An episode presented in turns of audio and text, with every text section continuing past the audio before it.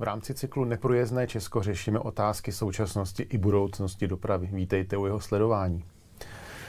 Dnes k nám do studia zavítal pirátský poslanec Ondřej Polanský, člen hospodářského výboru a místo předseda podvýboru pro dopravu. Dobrý den. Dobrý den. A prezident Asociace pro rozvoj infrastruktury, pan Tomáš Janeba. Dobrý den. A dobrý den. Pane Polanský, eh, dokážete odhadnout, jak eh, je na tom stav českých silnic v mezinárodním kontextu? Uh, nebo není to těžké odhadnout v těch, všech těch mezinárodních srovnáních se Česká republika poslední roky propadá až na ty nejméně lichotivé, nejméně lichotivé příčky, ať už, je to, ať už je to v případě rozvoje té dálniční sítě a tak stejně tak i údržby té zbývající infrastruktury. Pan Janeba možná upřesní, jak na tom jsme. v celosvětovém e, porovnání, takovém globálním porovnání z roku 2018 e, se Česká republika na to, že jsme kdysi byli ze střední a východní Evropy daleko před ostatními zeměmi, tak jsme se propadli na, na 68. 68. příčku. Bohužel jsme se dostali za Polsko, Maďarsko i Slovenskou republiku. Za námi je třeba Pakistán, před námi je Indie. Musím podotknout, že to je subjektivní hodnocení, takže to trošku reflektuje i to, jak Češi vnímají kvalitu vlastních dálnic. Pane Polanský, Piráti mají jistě ambici být v příští vládě a tak mě zajímá, eh, co máte v plánu, aby se eh, česká dopravní infrastruktura rozvinula?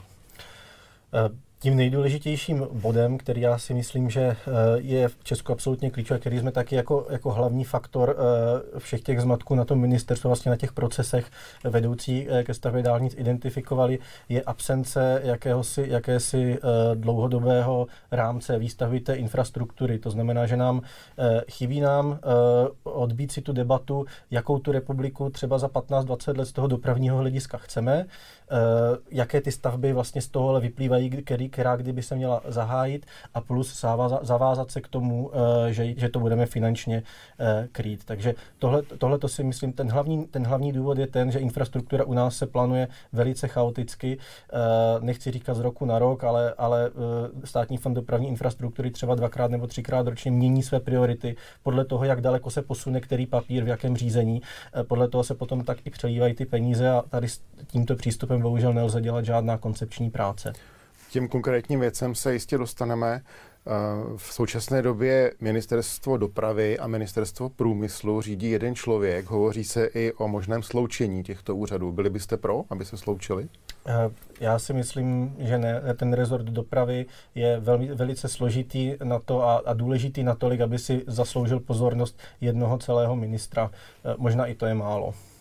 Já, jestli, jestli na to můžu reagovat, Určitě. Eh, já si myslím, že, to, že, že, že ta současná, jako ten současný rok, nebo minulý rok ještě ukázal, že, že to prostě nefunguje, že to ministerstvo potřebuje mít eh, svého lídra, který má, který má vize. Poslední ministři v podstatě jakoby naslouchali tomu rezortu, dávali mu volný průběh, eh, trošku ho bránili, což bylo asi dobře. Na druhou stranu se ukazuje, že prostě minister musí mít vize a musí, musí prostě ten, ten rezort nějakým způsobem směřovat. A myslím, že sloučení ministerstev by prostě nedávalo nedávalo smysl prakticky. Už jsme to tady nakousli, eh, dlouhá příprava vlastně té vlastní stavby dopravní. Odhaduje se, že u nás trvá dnes 13 až 15 let. Jak by to Piráti urychlili? Eh, ten problém má více rovin. Já vždycky říkám, že je to taková ta eh, židlička o třech nohách. My ty stavby potřebujeme eh, naplánovat, identifikovat, který, eh, který vlastně z toho, jak jsem říkal, jakou tu republiku chceme z dopravního hlediska mít. Jestli například chceme pořád ten monocentrický model a vlastně všechny ty radiály směřovat do té Prahy, ať už silniční nebo železniční na, na okruh, anebo jestli třeba chceme ten policentrický model, kdy se ty kraje propojují navzájem. Takže to je jedna věc, musíme ty stavby umět, musíme ty stavby umět definovat, potom je musíme umět povolit, a musíme je umět vysoutěžit. E, nepočítám samozřejmě s tím, že na ně máme finanční e, krytí. No a v každé z těchto těch třech oblastí si myslím, že ta, e, že ta naše republika má velké rezervy. Jak už jsem říkal, absence toho dlouhodobého, toho dlouhodobého plánu. Třeba ten, ta otázka toho policentrického versus monocentrického modelu, ta tady stále visí ve vzduchu, není uspokojivě, podle mě nikdo uspokojivě nevzal nezačal s ní pracovat. Pokud je o to, pokud je o to povolování staveb, tak tam, tak tam víme také, že současný stavební právo je nedostatečné, je potřeba ho, je potřeba ho upravit, e, tak to, to, je, to je druhá věc. No a pokud jde o to soutěžení těch staveb, tak to je něco, kde se té České republice taky příliš nedaří. E, sami, sami vidíme, co se děje, eh, co se, co se děje teď mě napadá třeba před třemi, dvěma lety ta stavba D11, kde vlastně ministerstvo nad rámec ještě zákona o, o, o, výběr, mm, o, o, o zadávání veřejných zakázek musela vlastně uzavřít smlouvu s dodavatelem a ještě mu nějaké peníze přidat vlastně nad rámec toho, co bylo vysoutěžit. To všechno jsou indicie toho, že ani ta poslední fáze, to soutěžení, se nám nedaří.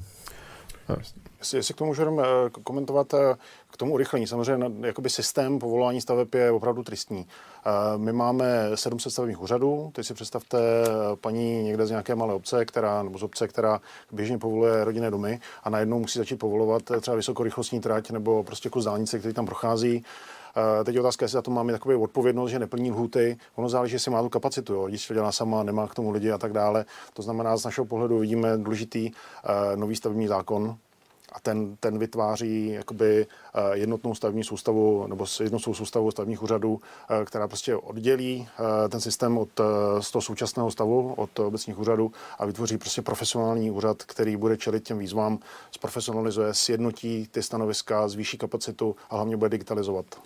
A to teď ta nová podoba stavebního zákonu podle vás splňuje tyto předpoklady, že by mohlo dojít k oddělení povolování staveb jednoho a jiného druhu? Tato odděluje, tato odděluje. Zejména u ty, to odděluje i, i pro ty stavby, i ty linové stavby, dopravní stavby. Tom se asi neschodnete. Vy jste eh, říkal, že by mělo dojít ke změně té stavební legislativy. Mm, ano, určitě ke změně, protože ta stávající, ta, co platí dneska, tak ta je nevyhovující. To se samozřejmě s kolegou shodneme, že nový stavební zákon je potřeba. Eh, v tom novém stavebním zákoně samozřejmě jsou eh, věci, na kterých se třeba nezhodneme. My stojíme zatím teď se bavíme o tom klasickém stavebním právu, eh, že není potřeba ta institucionální reforma, že stačí ta digitalizace. Nicméně, teď se bavíme o těch velkých dopravních stavbách, tak i ten náš pozměňovací návrh, který jsme k tomu zákonu eh, podávali, tak ten počítá eh, s existencí specializovaného stavebního úřadu právě pro liniové stavby, protože to je určitě v každém případě velmi úzké hrdlo, velmi úzké hrdlo tohohle, toho, mm, té části toho povolování staveb. A s tím byste jako asociace souhlasili? Já si myslím, že to je to, je to minimum, který musí být naplněno, minimálně ty dopravní stavby. Uh, ale zase ten speciální stavební řád, ten se potom bude odvolávat k tomu nejvyššímu, takže ono to jakoby teď to je konstruovaný, že to je závislý na sobě, tak uh, uvidíme. Eh, pojďme dál. Často je také na vině toho dlouhého procesu přípravy a povolování staveb skutečnost, že dochází k napadání stavebních povolení kvůli formálním nedostatkům, často kvůli tomu, že úředníci nejsou schopni dodržet lhůty, měl by podle vás za to nést jasnou odpovědnost? Ten úředník? Ano. Uh, ano, stoprocentně a je to, je to vlastně součástí toho, co jsem říkal prvé. Tím, že ta republika nemá daný tu dlouhodobou vizi, že neví, na který stavby se chce soustředit v roce 2023, 24, 25, 26, žádná taková, žádná taková takový, eh, ta roadmapa tady není, tak to je, eh, to je jedním z důvodů, proč se vlastně, jak jsem říkal, že se, na tom, eh, že se mění priority třikrát do roka. Ve chvíli, kdy, ve chvíli, kdy to, děláte tady tohleto, honíte vlastně všechny zajíce najednou, tak potom ty výstupy těch úředníků a vlastně těch přípravářů těch staveb prostě nejsou kvalitní. Že já bych to dával, já bych tady v tomhle dával za vinu, tu vinu skutečně tomu státu, nikoli těm institucím nebo jednotlivcům nebo eh, spolkům, který využívají vlastně, eh, který využívají ta místa v řízení. Tady je jednoznačně chyba na, na místě těch, kteří tam ten eh, papír s tím formálním nedostatkem, jak jste říkal, přinesou. A vy jako Piráti máte nějakou tu roadmapu, co je prioritní, co je méně my, máme, my, jsme si, eh, my jsme si, ano, samozřejmě udělali vlastní seznam staveb, který si myslíme, že by, eh, že by v příštích letech měl eh, vzejít. Nicméně v, v, na mysli máme něco jiného. Hned po volbách bychom na půdě poslanecké sněmovny chtěli iniciovat debatu, inspirovanou tou debatou, která se odehrávala před rokem o tom zákoně tehdy o urychlení výstavby dopravní infrastruktury, který se skutečně poctivě v té sněmovně vydebatoval a nakonec s ním souhlasilo 9 z 9 poslaneckých klubů. Byl to takový malý zázrak, co se povedlo při tom zrychlení staveb udělat. No a e, co by mělo přijít teďka po volbách, si myslím, že je otevřít okamžitě diskuzi nad novým zákonem o prioritách e, v výstavbě dopravní infrastruktury. A to by byla přesně taková ta roadmapa, která by třeba na příštích, já nevím, 20 let, e, co je tak doba, kdy budeme mít hotový ty hlavní, hlavní segmenty té nejdůležitější sítě, ať už je to vysokorychlostní železnice, po případě dálnic, tak na tuto, na tuto dobu se stavila ty priority, vlastně zavázala se, že je všechny bude financovat. A tohle je to, co tomu sektoru stavebnímu dá vlastně tu jistotu, stabilitu. To je přesně to, co si myslím, že, eh, že stavaři rádi uvidí. A je to to samé, co udělali třeba v Polsku i na tom Slovensku. A je to taky ten důvod, proč tam ta výstavba tak raketově vystřelila, protože oni vědí, co chcou, mají to na papíře a mají tam, eh, mají tam k tomu ten finanční závazek. Eh, v případě toho našeho zákona na těch 20 let vidím ty stavby v objemu více než 2 biliony korun. Je to opravdu ohromné množství, co potřebujeme postavit, ale strašně by se nám tam hodilo mít ten plán. S tímhle vy souhlasíte? Uh, stabilizace financování, to je, to si myslím, že ten dlouhodobý plán eh, je absolutní priorita z toho důvodu, že když se kouknete zpětně, tak financování našich staveb připomíná hřeben, jde to nahoru dolů. V, letech 2014, 13, 14, 15 investice do silniční infrastruktury a železničních v podstatě byly téměř nulové. Eh, spousta lidí ten obor opustilo. Eh, politici si musí uvědomit, a Švýcarsko, Rakousko, Německo jsou, jsou ukázkou jakoby, těch dlouhodobých plánů. Eh, lidi prostě nemůžete dát do mrazáku. Prostě se nemůžete skovat. Když, se, když stát nechce stavět, tak prostě vy je nemůžete skovat a pak je vytáhnout. Pokud chcete mít kvalitní tuneláře a kvalitní lidi na mosty, mostaře, tak prostě to jsou lidi, kteří musí mít desetiletí zkušenosti a musíte si je vychovat. A, a tak třeba Švýcarsko, že má super stavby, super kvalitní, ale prostě on tam mají, tam mají dlouhou tradici. A o ten sektor se prostě starají. To je jakoby důležitý. Já bych chtěl ještě oponovat tomu, co tady řekl pan Polanský. Eh, jakoby typická ukázka. Vy jste řekl, že to je, že to je většinou problém těch, eh, kteří přinášejí tu, ten, ten papír na ten úřad, kteří prostě žádají o to povolení. Eh, tady jsou typické ukázky naopak trošku jakoby obstrukčního blokování. Jeden z toho je třeba dálnice D1, eh, Říkovice Přerov. Eh, to je stavba, která už 15 let, před 15 lety měla stavební eh, měla eh, pravomocné územní rozhodnutí, eh, získala, měla dokumentaci pro stavební povolení, pak kvůli financování byla zastavena, pak se znovu ten proces rozběhnul, eh, ale už ta změna územního rozhodnutí začala být blokována, napadána z různých důvodů a teď, když ta stavba dostala v roce 2021 stavební povolení, tak se stalo to, že soud opět takový zastavil některé stavby z důvodu námitek systémové podjatosti, což je takový terminus technicus, to je věc, kterou můžete jako blokovat de facto jakoukoliv stavbu. A myslím, že stát naopak si prostě musí jako investor, jsou to naše peníze, jsou to peníze daňových poplatníků, prostě najít způsob, jak, jak tomu čelit.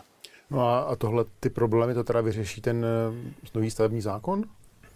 Já si spíš myslím, že to vyřeší ten dlouhodobý rámec výstavy, protože on to tady kolega přesně řekl. Ta stavba už byla připravená, všechny, všechny papíry byly na místě, když najednou došly peníze. Jo? A to je přesně tady to, čemu by, čemu by jasná vize v té infrastruktuře a uh, měla, měla to. My dneska vlastně uh, státní fond dopravní infrastruktury, jak už jsem řekl, on ty své priority mění dvakrát, třikrát do roka.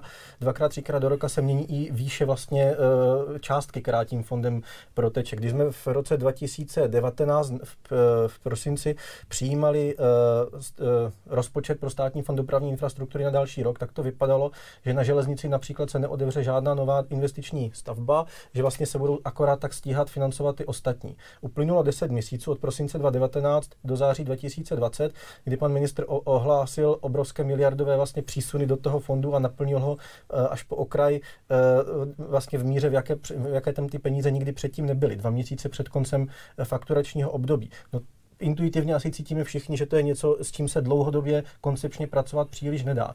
Takže není ani tak důležitá ta současná výše fondu dopravní infrastruktury, když samozřejmě taky ano, ale je strašně důležité vědět, kolik tím fondem poteče za dva nebo za tři roky. To, jsou, to mi dáte asi za to jsou informace, které, eh, které, eh, které eh, ti, co tu infrastrukturu staví, prostě potřebují vědět právě proto, aby mohli plánovat lidské zdroje, aby mohli plánovat stroje, místo jestli si ho mají koupit nebo jenom půjčit a tak dále. To jsou všechno důležité. Čili aby tam nebylo to přesně, přesně. A to, to, to, co je důležité k tomu plánu, který bude schválený, který je ideálně schválený parlamentem, eh, na období třeba minimálně pěti, sedmi, deseti let, eh, že vy máte v programu roce 20 let, což je ambiciozní, ale super. A k tomu by mělo být navázaný eh, vlastně povinné financování, minimálně pětileté. Problém u firm, obzvlášť do budoucna teď. My chceme snižovat uhlík, uhlíkovou stopu, chceme prostě cirkulární ekonomika a tak dále, chcete mít, aby se používaly prostě ekologičtější stroje, nové materiály, tam musíte prostě investovat. Když neinvestujete do know-how, do materiálu, do vybavení, tak prostě musíte mít dlouhodobou vizi. Jestli mohu přesně to, já jsem to ještě to zhrnu, prostě stabilní a předvídatelné financování. Mít jednoduchý harmonogram a zavázat se k tomu, že v těch příštích, nevím, 10, 15, 7 letech, podle toho, na jak dlouho ten výhled uděláme, že se pod ty stavby, které jsou tam napsané každý rok, takže se na to ty finance najdou. To si myslím, že to je to, co ten sektor teď potřebuje úplně nejvíc. Pojďme se ještě vrátit o několik let zpátky, jestli si všichni ještě pamatujeme problémy s výkupy pozemků při vlastně dovedení dálnice D1, D11 do Hradce Králové. Eh, co by měl stát udělat, aby ta motivace vlastníků pozemků zrostla? Nebylo by lepší, aby se ty pozemky, které jsou často zemědělské, nevykupovaly za cenu třeba stavebních parcel? Jestli k tomu mohu, tak zrovna tady ten případ uh, té D11, tak uh, ten už sněmovna vyřešila právě v té začátkem roku 2018 během té první novely zákona 416, kdy do toho zákona uda, uh, umístila možnost směny pozemků. Totiž tam přesně u té D11 šlo o to, že ta uh, paní chtěla ty pozemky jenom vyměnit za nějaký jiný, což podle zákona nebylo možné. Tak teď už to podle zákona možné je. Kromě toho se tam umístila možnost třeba takzvaného výkupu nad záborový elaborát. To je přesně to, když máte velké, velký pozemek a přes část z něho má, má vést dálnice, tak, co, tak vlastně doteďka měli ty uh, silničáři možnost vlastně vyvlastnit jenom ten pruh plus nezbytnou plochu okolo. Při tom výkupu nad záborový elaborát se může stát, že vám ten pozemek už můžou nabídnout vykoupit celý, protože aby vám někde kousek za dálnicí zůstal rožek, ke kterému vám ještě navíc musí dělat stejně nějaký podjezd nebo něco, co stojí spoustu peněz, tak to nedává smysl. Takže tady tyhle ty drobné věci, které by zrovna třeba tu D11 o roky roky urychlili, tak ty už v tom zákoně jsou a, a, a nějakým způsobem se s nimi začínáme za ty tři roky, co to funguje, uh, učit. Ale neříkám, že je to dostatečné samozřejmě. To, co je zajímavé, tak je důležité se podívat eh, na, na čísla, že se říká, že 95% všech pozemků prostě uh, lidi, lidi prodají bez problému. Pak jsou 4%, kdy uh, jsou prostě neznámí vlastníci tak dále, ale jenom 1% opravdu jakoby dělá mnohdy cílený obstrukce. Uh, to znamená stát, bohužel, ten systém jakoby funguje, ale musíte být připraveni na ty extrémní situace, kdy někdo opravdu opravdu jako nechce. Hmm.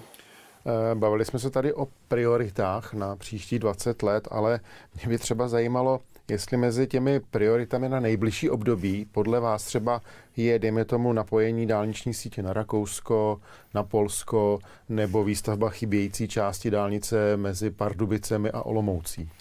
Uh, největší priority, pokud jde o tu dálniční síť z mého pohledu, je právě to, co jste říkal, dálnice D35 mezi Pardubicemi a Mohelnicí.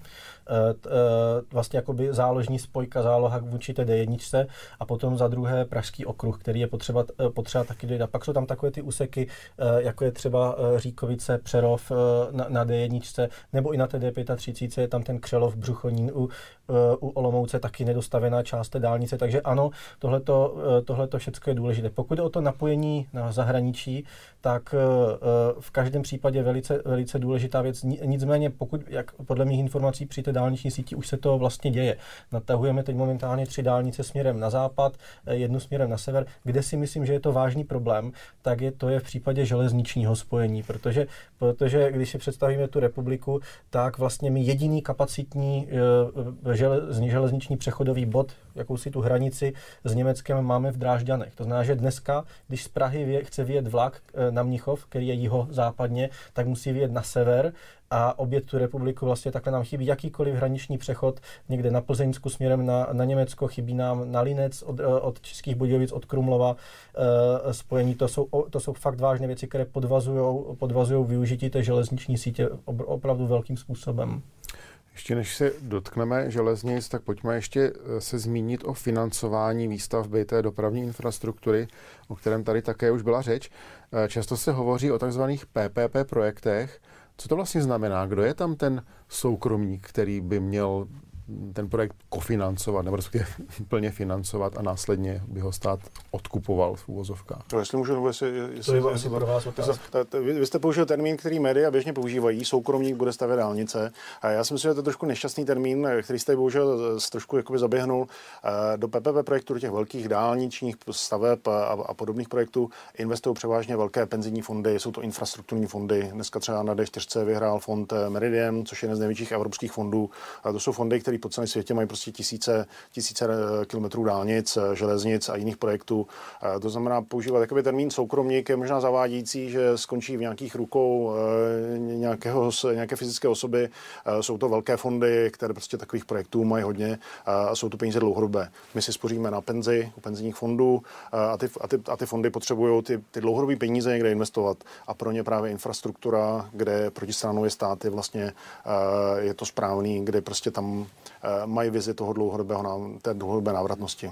Já bych k tomu jenom podotkl, že ta dálnice D4, o které tady kolega mluvil, tak ta vlastně nikdy nebude v majetku e, soukromníka, to bude od začátku až, až do konce vlastnit, vlastnit stát, takže tam ten model, tam ten model je vyložený jenom toho přenesení vlastně těch rizik a toho financování okamžitého e, na, ten, na, na ten fond, na ten soukromý Čili... Ale pro vaši, od, vaši odpověď, ten, PP, ten PPP to je zajímavý a rozhodně užitečný nástroj, který budeme jako republika pravděpodobně potřebovat čím dál víc v souvislosti s tím, jak nám budou docházet postupně, postupně peníze, ať už je to čerpání z Evropské unie, že jo, ta, která chce tu, tu, mm, tu hlavní síť ten tý financovat pouze do roku 2030, že jo, my jsme vlastně v tomhle velice zaspali, tím pádem nezdá se, že bychom do roku 2030 měli mít hotové všechno to, co v té TNT síti je zanesené, pak už se na to budou zhánět ty peníze hůř. Takže, takže je to nástroj, který je vhodný, je vhodný vlastně ve dvou případech. V případě, že na ten stát nemá peníze na to, aby tu infrastrukturu pořídil sám, tak vlastně si, eh, tak si nechá splácí vlastně později. A nebo v případě, že, že se je jedná o stavbu, u které převyšují eh, nějaká rizika, která ten stát neumí odhadnout a chce rizika přenést na ten soukromý subjekt. Příkladem je třeba ta Alžbětinská dráha v Londýně, že takové to metro, které se tam kope eh, hrozně hluboko pod celým Londýnem a, a ne, není, to tam, není to tam teď úplně finančně a, a vztahově nějakým způsobem v pořádku. Nicméně, nicméně to je třeba, tohle je třeba model, kde se ten PPP projekt používá a potom ten druhý případ, kdy nejsou peníze. Pojďme tady k těm, železnici, k těm železnicím. Pardon. A vy jste hovořil o tom, že jediné nějaké smysluplné hmm. napojení na zahraničí máme přes Drážďany. Eh, z Čech, samozřejmě na Moravě je toho, potom, je, je toho potom více. A Měla by být ta priorita v budování železniční sítě právě s ohledem na napojení na venek České republiky, anebo spíše vytvořit nějakou robustní infrastrukturu uvnitř, aby byla propojená velká města, ať už krajská mezi sebou, nebo třeba krajská města a Praha? Obojí. Ty vysokorychlostní tratě, to je něco, eh, co revolucionarizuje vlastně dopravu v téhle republice já vždycky říkám na to, jak jsme malá země, tak dostat se z jednoho konce na druhý trvá neuměrně dlouho. A pomůžou nám v tom opravdu ty vysokorychlostní železnice. Vidíme ty příklady třeba z Francie. Tisíc kilometrů z centra města do centra města pod tři hodiny. Paříž, Marseille. Uh, vidíme to na trati Berlín-Mnichov. Uh, a uh, i u nás, u, u nás, když se ty, dál, když se ty vrtky velmi dobře, když se ty vrtky dobře postaví, tak to bude využívat čtvrt milionu lidí každý den, pumpovat se do práce a zase a zase zpátky. E, takže e, například, e, to, co dávám vždycky jako příklad, je Jihlava. Z Jihlavského terminálu vysokorychlostní trati to bude trvat 30 minut do centra Prahy a 35 minut do centra Brna. To znamená, že z, mé, z mého pohledu po dostavění se z Jihlavy do konce století stane 100 tisícové město možná větší, protože bude konkurovat jižnímu městu, pokud jde o třeba tu kapacitu ubytovací a podobně. Takže bude to mít obrovské ekonomické přínosy, jak, jak Eh, pro nás na ten denodenní pohyb, tak potom i to na to napojení eh, na tu, eh, na tu Evropu, ať už, to bude, ať už to budou teda naši nejbližší sousedé Polsko, tak i ten západ. To jste mě trochu vystrašil do konce století, to znamená, že moje generace čtyřicátníků už se nedočká. Možná nedočká, do konce století hlava vyroste z dnešního, a nevím, 30 tisícového města na troj nebo čtyřnásobek. Takhle jsem to myslel. Ty vysokorychlostní tratě budeme mít postavené o dost rychleji, doufám. Já jenom, že jsem nedávno viděl nějaké video, z, tuším z roku 94, kde pan Brabec ještě jako zastupitel na Kolíně o těch vrtkách hovořil a pořád se o nich jenom hovoří.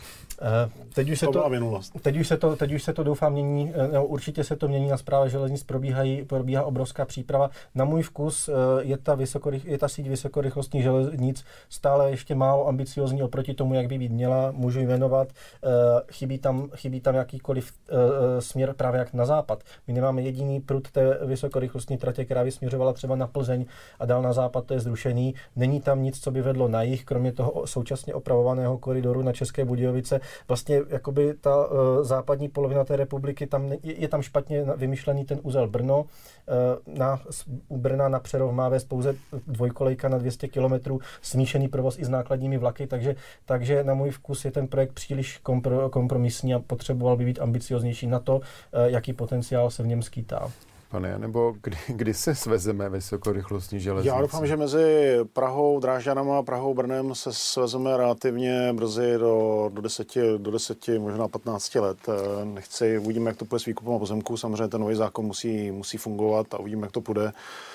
To, co je důležité říct, pokud to Česká republika nezvládne postavit, protože třeba Poláci, Poláci taky budou svůj síť, mimo jiné postavili za posledních 20 let 20krát víc dálnic než my a vysokorychlostní stratě taky staví na Německo.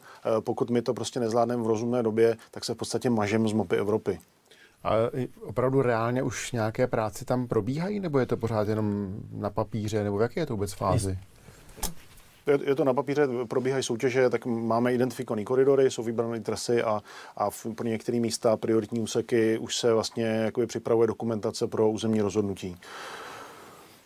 Já jsem jenom k tomu chtěl mm, říct, že možná prvním městem, které v Česku bude připojeno na síť vysokorychlostní železnic, bude právě Ostrava, a to proto, že Poláci uh, dokončí svou trať na Katovice a na Varšavu a, a vlastně, uh, a vlastně připojí, připojí i Ostravu. Takže možná budeme mít tu smůlu, že, že první při, město bude připojené na polskou síť, i když smůlu a, a, a aspoň něco.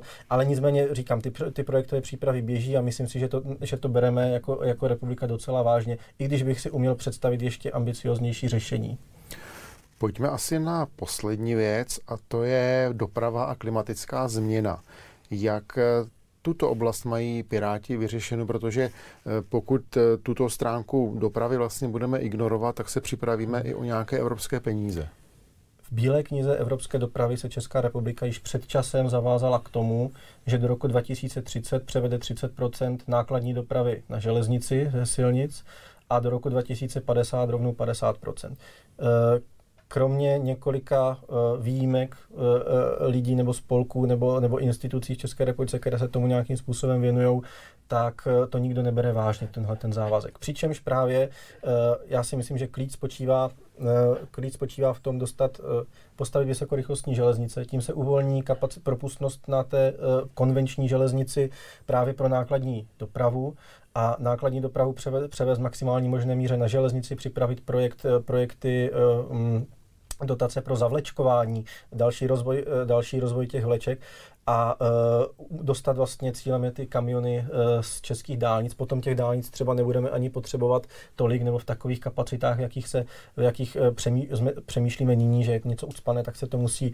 tak se to musí rozšířit. A to je jedin, jedin z velkých, uh, z velkých od, uh, vlastně i odpověď na tu, na tu otázku té klimatické změny. Jedna z, je, jako její část je dostat vlastně co největší množství jak lidí, tak karga na tu železnici. Já nevím, jestli můžu poslední informaci. Uh, v věstníku dopravy, respektive v programu rychlých spojení z roku 2012 od ministerstva dopravy jsem si zapamatoval jedno číslo.